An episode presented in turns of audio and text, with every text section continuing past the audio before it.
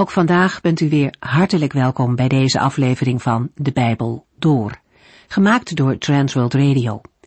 Voor meer informatie kijkt u dan op onze website transworldradio.nl.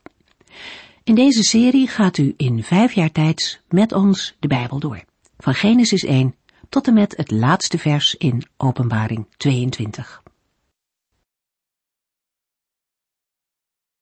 Het woord wijsheid loopt als een rode draad door de uitzendingen van de afgelopen dagen. En ook wanneer u misschien een paar afleveringen gemist heeft, begrijpt u dan toch dat we door het boek Spreuken gaan. In de eerste hoofdstukken hebben we een fictieve vader ontmoet die zijn zoon leert wat echte wijsheid is. Dat zijn de woorden van God. Die zijn een bron van leven.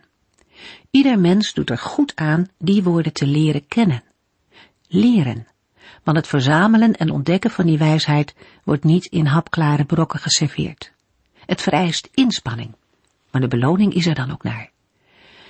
Leven volgens de wijsheid die hier wordt doorgegeven houdt een mens dicht bij God. Het is tot eer van God. Het is nog meer. Iemand die op deze manier leeft is ook een zegen in zijn of haar omgeving. Betrouwbare, gevende mensen zijn een zegen om in de buurt te hebben. En tot slot is de wijsheid ook een sleutel om gelukkig te worden. Mensen, ach, ze zoeken overal geluk en rust. En God geeft het. Ook via dit boek van levenswijsheid. In de afgelopen keren hebben we het belang gezien om deze wijsheid ook door te geven. Van vader op zoon, maar het gaat ook breder. Bij TWR is het een van onze doelstellingen om de wijsheid van God door te geven. Veel mensen zijn niet in de bevoorrechte positie om daar makkelijk aan te kunnen komen. En ons radiowerk biedt dan vaak uitkomst. Mensen kunnen in het geheim luisteren naar Gods woord of samen bijbelstudies volgen, wanneer er ook maar een radio beschikbaar is. En we ontvangen veel reacties over de zegen die mensen wereldwijd ontvangen. Niet van ons mensenwerk, maar omdat ze woorden van God horen en die ook aanvaarden. We bidden voor hen en ook voor u luisteraars in Nederland, dat u gezegend wordt, omdat u de levende God beter leert kennen. Of misschien wel voor het eerst leert kennen. In de vorige uitzending hebben we de eerste veertien versen van Spreuken 15 al gelezen. Er was toen niet veel ruimte om de versen verder toe te lichten. Daarom blikken we nog even terug. In Spreuken 5 vinden we concrete waarschuwingen voor de gevaren van een overspelige vrouw, de vrouw die niet de jouw is. Al in spreuken 2 werd hierop ingegaan, maar in spreuken 5 volgt een verdere uitwerking. In spreuken 5 zijn vier delen te onderscheiden. De versen 1 tot en met 6 zijn een waarschuwing tegen de vrouw die niet de jouw is. In de versen 7 tot en met 14 worden de gevolgen van het luisteren naar haar verleidingen beschreven. Een oproep om trouw te blijven aan je eigen vrouw, water te drinken uit je eigen bron en voorraadvat, vinden we in de versen 15 tot en met 20. De versen 21 tot en met 23 zijn een afsluiting en vormen de algemene conclusie. Later, in spreuken 6, wordt de thematiek van overspel opnieuw aan de orde gesteld. De onderwijzing of het leerdicht begint op de gebruikelijke manier. De vader of wijsheidsleraar vraagt zijn zoon of leerling te luisteren naar zijn verstandige lessen. Het doel van het luisteren naar wijsheid en begrip is dat de zoon of leerling bedachtzaamheid in het leven leert en dat hij de verworven wijsheid met anderen deelt. Waarom er moet worden geluisterd, wordt in de verse 3 tot en met 6 aangegeven. Daarin gaat het over de vrouw die de jouwe niet is, of, zoals we in andere vertalingen lezen, de vreemde vrouw, of een buitenlandse vrouw, of een vrouw die haar eigen man heeft verlaten. Vooral in het eerste gedeelte van Spreuken waarschuwt Salomo voor de verleidingen van de vrouw die de jouwe niet is. Deze vrouw wordt verkeerd genoemd omdat zij afvallig is geworden van de verbondsgemeenschap. Ze is seksueel ongeremd en bedroog eerder haar eigen man. In die zin lijkt ze op Gomer, die haar godvrezende man verliet. Ze is hertrouwd met een man die zijn handen niet van andermans vrouw kan afhouden. En zij is evenmin aan die andere man toegewijd. Zij is feitelijk een hoer die de straten afstruint om jonge mannen te verleiden. Ze gaat met mannen seksuele relaties aan zonder zich aan hen te binden. Ze is daarmee zowel ontrouw aan haar eigen man, maar ook aan haar latere man. Seksuele omgang met een dergelijke vrouw leidt tot schade. In Spreuken 6 vers 32 tot en met 35 lezen we, maar iemand die overspel pleegt, heeft zijn verstand verloren, want daaraan gaat ook de ziel kapot. Schade en schande zijn zijn deel. Zijn wandaad wordt niet meer vergeten. Jaloezie is een vuurgloed in een man en overspel wordt niet vergeven, wel gewroken. Van verzoening wil hij niet weten, wat je hem ook aanbiedt. Als de overspeler zich verhardt, zal hij in zijn eigen kwaad verstrikt raken. Zijn zonden zullen hem als boeien omknellen. Hij zal sterven, omdat hij waarschuwing en wijsheid afwees, en ronddwalen in de doolhof van zijn dwaasheden. Zijn dwaasheden leiden rechtstreeks naar de dood. Want de Heere ontgaat niets en zijn ogen volgen iedereen. Het Nieuwe Testament pakt deze thematiek op door te waarschuwen voor alle vormen van seksuele immoraliteit buiten het huwelijk. En schrijft het huwelijk voor als middel tegen ontucht. Uit Gods woord weten we hoe de Heer over deze dingen denkt. Om ontucht te voorkomen, is het goed dat elke man zijn eigen vrouw heeft en elke vrouw haar eigen man. Daarnaast lezen we in Hebreeën 13 vers 4 Laat iedereen het huwelijk in ere houden. Man en vrouw moeten elkaar trouw blijven. Wie overspel pleegt, zal door God gestraft worden. In de versen 7 tot en met 14 verwoordt de vader of wijsheidsleraar de gevolgen van het luisteren naar de verleidingen van de vrouw die de jouwe niet is. Hij roept op naar hem te luisteren en zich te houden aan wat hij zegt. Met het oog op de verkeerde vrouw roept hij zijn zoon op bij haar vandaan te blijven en niet naar haar huis te gaan. De zoon moet afstand van dergelijke vrouwen houden, zodat hij zijn eer en aanzien niet bij haar achterlaat. De vader of wijsheidsleraar waarschuwt zijn zoon of leerling met wat er gebeurt als hij volhardt en de wijze lessen naast zich neerlegt. Dan zal hij uiteindelijk uitschreeuwen Waarom luisterde ik niet naar vermaning? Dan zal hij in zijn beroerde omstandigheden beseffen dat tuchtiging een positieve, opvoedende bedoeling en waarde heeft. Maar helaas ook dat, omdat hij niet luisterde naar vermaning en vergat wat zijn vader of leermeesters hem leerden, het dan voor hem te laat is. Dan helpt uitschreeuwen van zelfverwijten ook niet meer met de woorden zodat je het tenslotte niet uitschreeuwt, wil de vader of leraar voorkomen dat het zover komt. In het Oude Testament was de straf op overspel steniging, wat aangeeft dat de Heere overspel hoog opneemt. Alle reden om op te roepen trouw te blijven aan je eigen vrouw. Spreuken 5 vers 15 tot en met 17.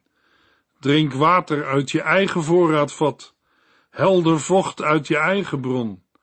Laat je fonteinen niet naar buiten spuiten, noch je waterstromen de straten overspoelen. Laat ze alleen van jou zijn en deel ze niet met een vreemde. Hierna spreekt de vader over het drinken van water uit de eigen bron. Er bestaan goede gronden om aan te nemen dat de vader of wijsheidsleraar in spreuken 5 spreekt over trouw aan de eigen echtgenoten. Er zijn twee belangrijke redenen om aan te nemen dat de versen 15 tot en met 18 betrekking hebben op de eigen vrouw. Ten eerste wordt in Hooglied 4 de bruid aangeduid als een bron en een fontein. In de tweede plaats is er gelijkstelling tussen mijn bruid en je eigen bron. Deze verzen moeten we dan opvatten als een verbeelding van of een allegorie over de vreugde die seksuele gemeenschap met de eigen vrouw kan schenken. Vers 15 begint met de oproep aan de zoon water te drinken uit zijn eigen voorraadvat en stromend water uit eigen bron. Het feit dat een vrouw hier als bron wordt aangeduid, houdt wellicht verband met het beeld van een barende moeder en met het beeld van de geliefde. Het drinken uit het bekken of uit de bron is een metafoor voor seksuele vreugde. Hier klinkt de oproep die vreugde bij je eigen vrouw te zoeken.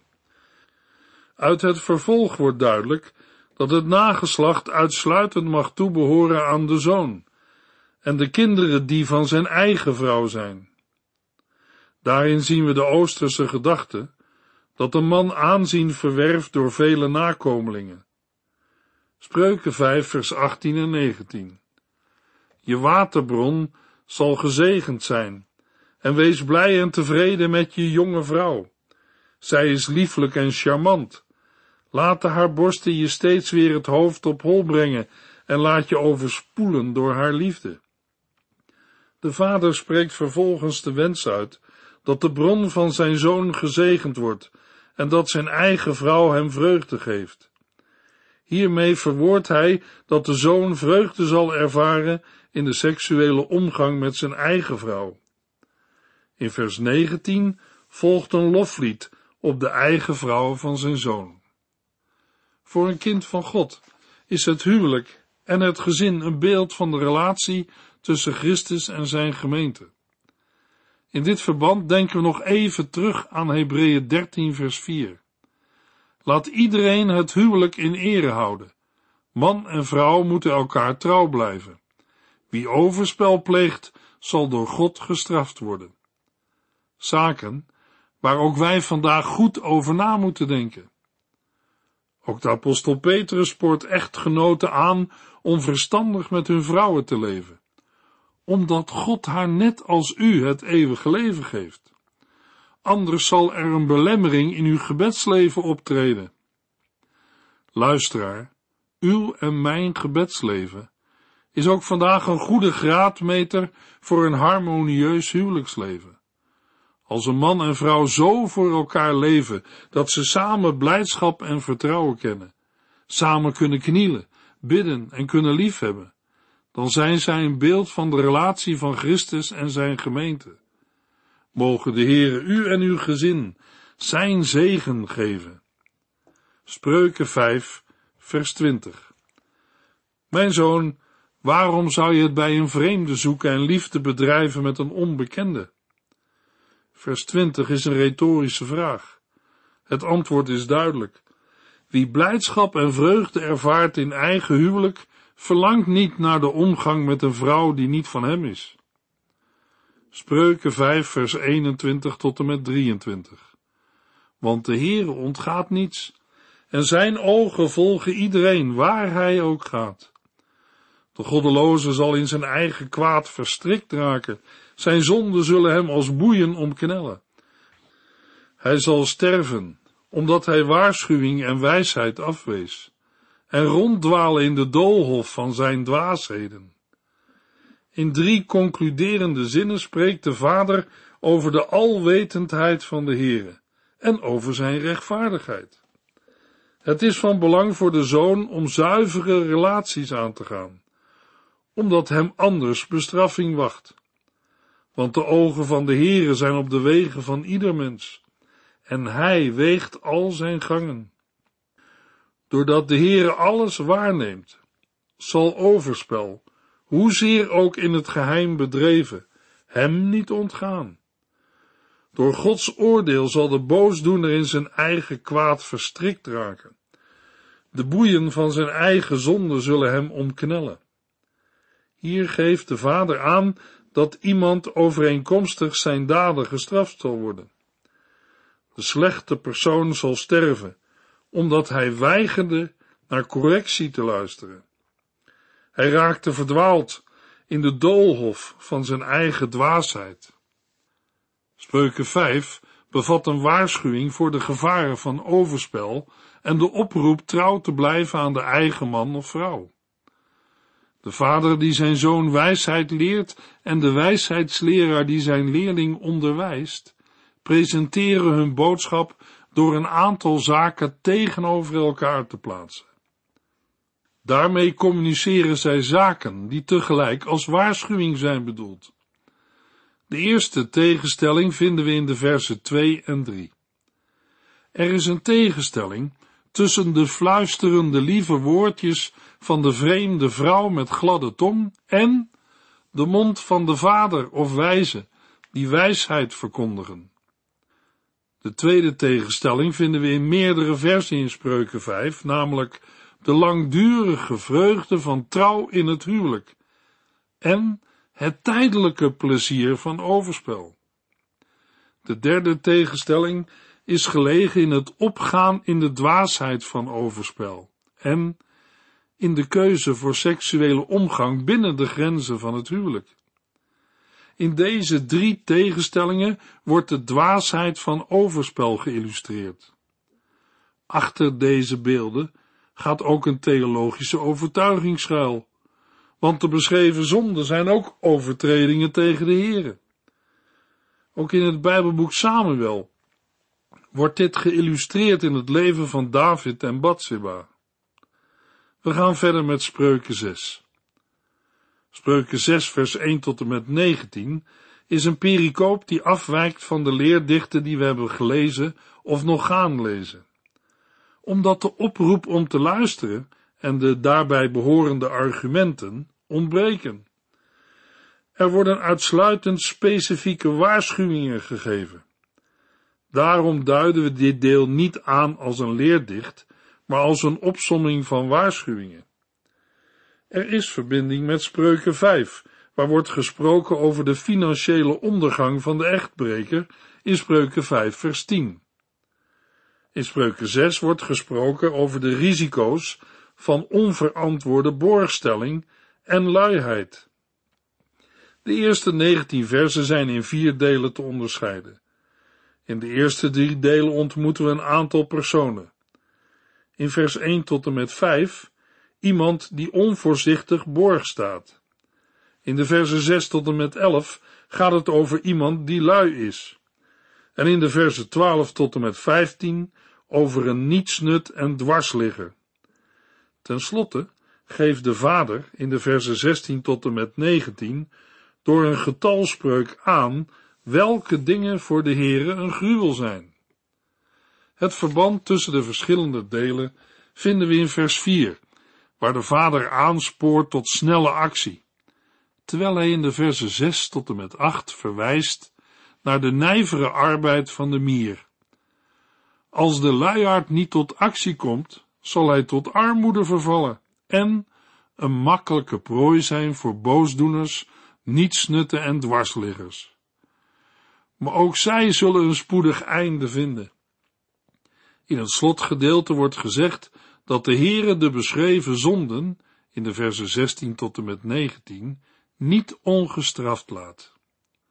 Spreuken 6 vers 1 en 2 Mijn zoon, het kan gebeuren dat je je voor iemand borg stelt, dat je garant staat voor zijn schuld, en dan aan je woord wordt gehouden. De vader richt zich tot zijn zoon en spreekt over de mogelijkheid dat hij borg staat voor zijn naaste en zijn toezegging aan een vreemde met een handslag heeft bekrachtigd. In dat geval heeft de zoon de verantwoordelijkheid voor het betalen van de schuld op zich genomen. De borg voorkomt zo de inbeslagname van het bezit van de schuldenaar, maar loopt het risico een deel van zijn eigen bezit te verliezen als de schuldenaar de verplichtingen niet nakomt. Het is zelfs mogelijk dat de borg zoveel eigendom verliest, dat hij zijn vrijheid verspeelt en tot slavernij vervalt. In Spreuken 6 wijst de vader zijn zoon erop dat hij verstrikt en gevangen kan zitten in zijn eigen woorden. Hij zegt daarmee dat de zoon zichzelf door een dergelijke borgstelling kan overschatten. Door zo'n overschatting kan zijn hele leven in negatieve zin bepaald worden door een ondoordachte toezegging. De vader of wijsheidsleraar noemt twee dingen die op elk moment goede raad zijn. Als eerste, pas ervoor op om een schuldbekentenis van iemand te tekenen. Als tweede, word nooit partner van een vreemde. In spreuken 6 wordt gewezen op de consequenties van een borgstelling. Een mens moet er voorzichtig mee zijn. Het kan grote consequenties hebben voor je persoonlijke omstandigheden. Spreuken 6 vers 3 tot en met 5. Doe dan het volgende, mijn zoon. Breng de zaak snel in het reine, want je naaste heeft een vordering op jou. Bezoek de schuldeiser en zeg hem dat je zult betalen en dwing de schuldenaar, voor wie je borg staat, alsnog het geld bijeen te brengen. Slaap daar niet eerst een nachtje over, maar regel zulke zaken snel. Want op dat moment ben je de prooi van de eiser, zoals hert en vogel prooi zijn van de jager. Dus breng jezelf in veiligheid. Na deze waarschuwende woorden volgen enkele aanbevelingen voor de aanpak van het probleem. Met klem raadt de vader of wijsheidsleraar zijn zoon of leerling aan de zaak in het reine te brengen. Dat betekent dat de borg onmiddellijk actie moet ondernemen, omdat hij in de macht van zijn naaste is. Hij wordt aangespoord zich zelfs voor zijn naaste te vernederen en hem aan te klampen. Er is grote ernst in dit advies, want de zoon mag er niet eerst een nachtje over slapen, maar moet de zaken snel regelen. Hij moet zich zien te redden uit de macht van de eiser, zoals een hert ontsnapt aan een jager en een vogel aan een vogelvanger. Spreuken 6 vers 6 tot en met 8. Neem een voorbeeld aan de mierenluiaard.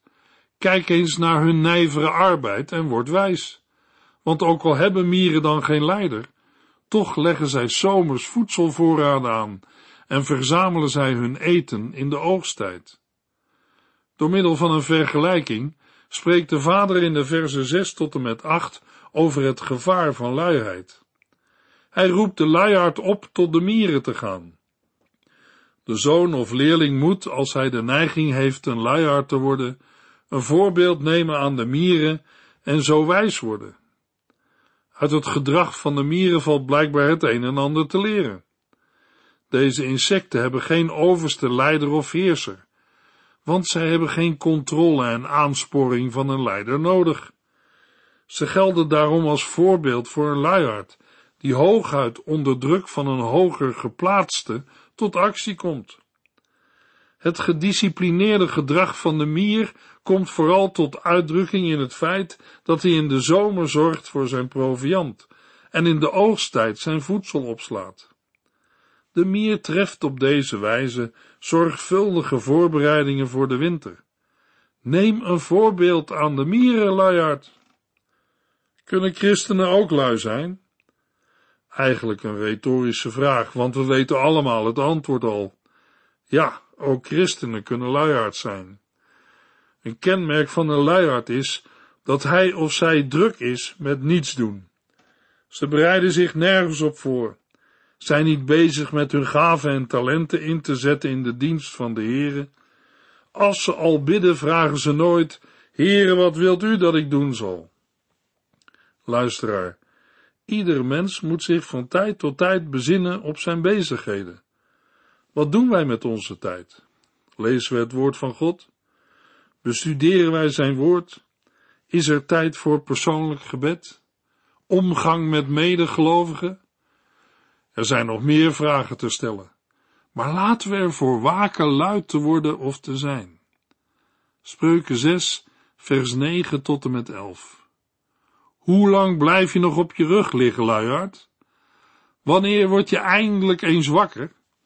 Nog even slapen, nog even soezen, nog even lekker liggen. Maar dan komt de armoede over je, en maar al te snel zul je gebrek lijden. Deze verzen geven een voorbeeld van het gedrag van een luiaard. Maar deze luiheid heeft bittere consequenties. Na verloop van tijd komt de armoede over de luiaard en wordt hij overvallen door gebrek. Spreuken 6 vers 12 tot en met 15 Een nietsnut en dwarsligger kun je gemakkelijk herkennen. Je hoeft hem alleen maar aan te horen. Let maar op hoe hij kijkt, hoe hij met zijn voeten stampt en met zijn vinger wijst. Waar zijn hart vol van is, loopt zijn mond van over. Hij heeft voortdurend kwaad in de zin en zorgt altijd voor oneenigheid. Daarom zal hij snel aan zijn einde komen. Wat hem treft is ongeneeslijk. In de versen 12 tot en met 15 gaat de vader of wijze in op een nietsnut en dwarsligger.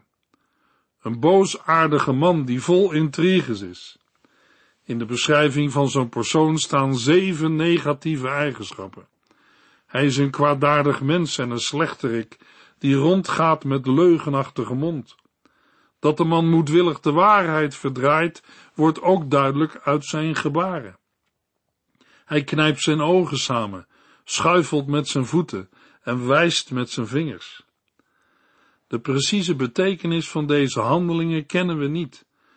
Maar via dit non-verbale gedrag wordt duidelijk dat de man op de een of andere manier met verkeerde dingen bezig is. Het hart van de boosaardige man is vol valsheid, kwaad en zorgt altijd voor oneenigheid. We hebben te maken met een mens die een verkeerd innerlijk heeft, een verkeerd hart. Dat zijn instelling fout is, komt tot uiting in het feit dat hij steeds ruzie teweeg brengt. Al gaat deze man een tijd zijn gang, plotseling komt zijn onheil en in een oogwenk zal hij onherstelbaar worden verbrijzeld.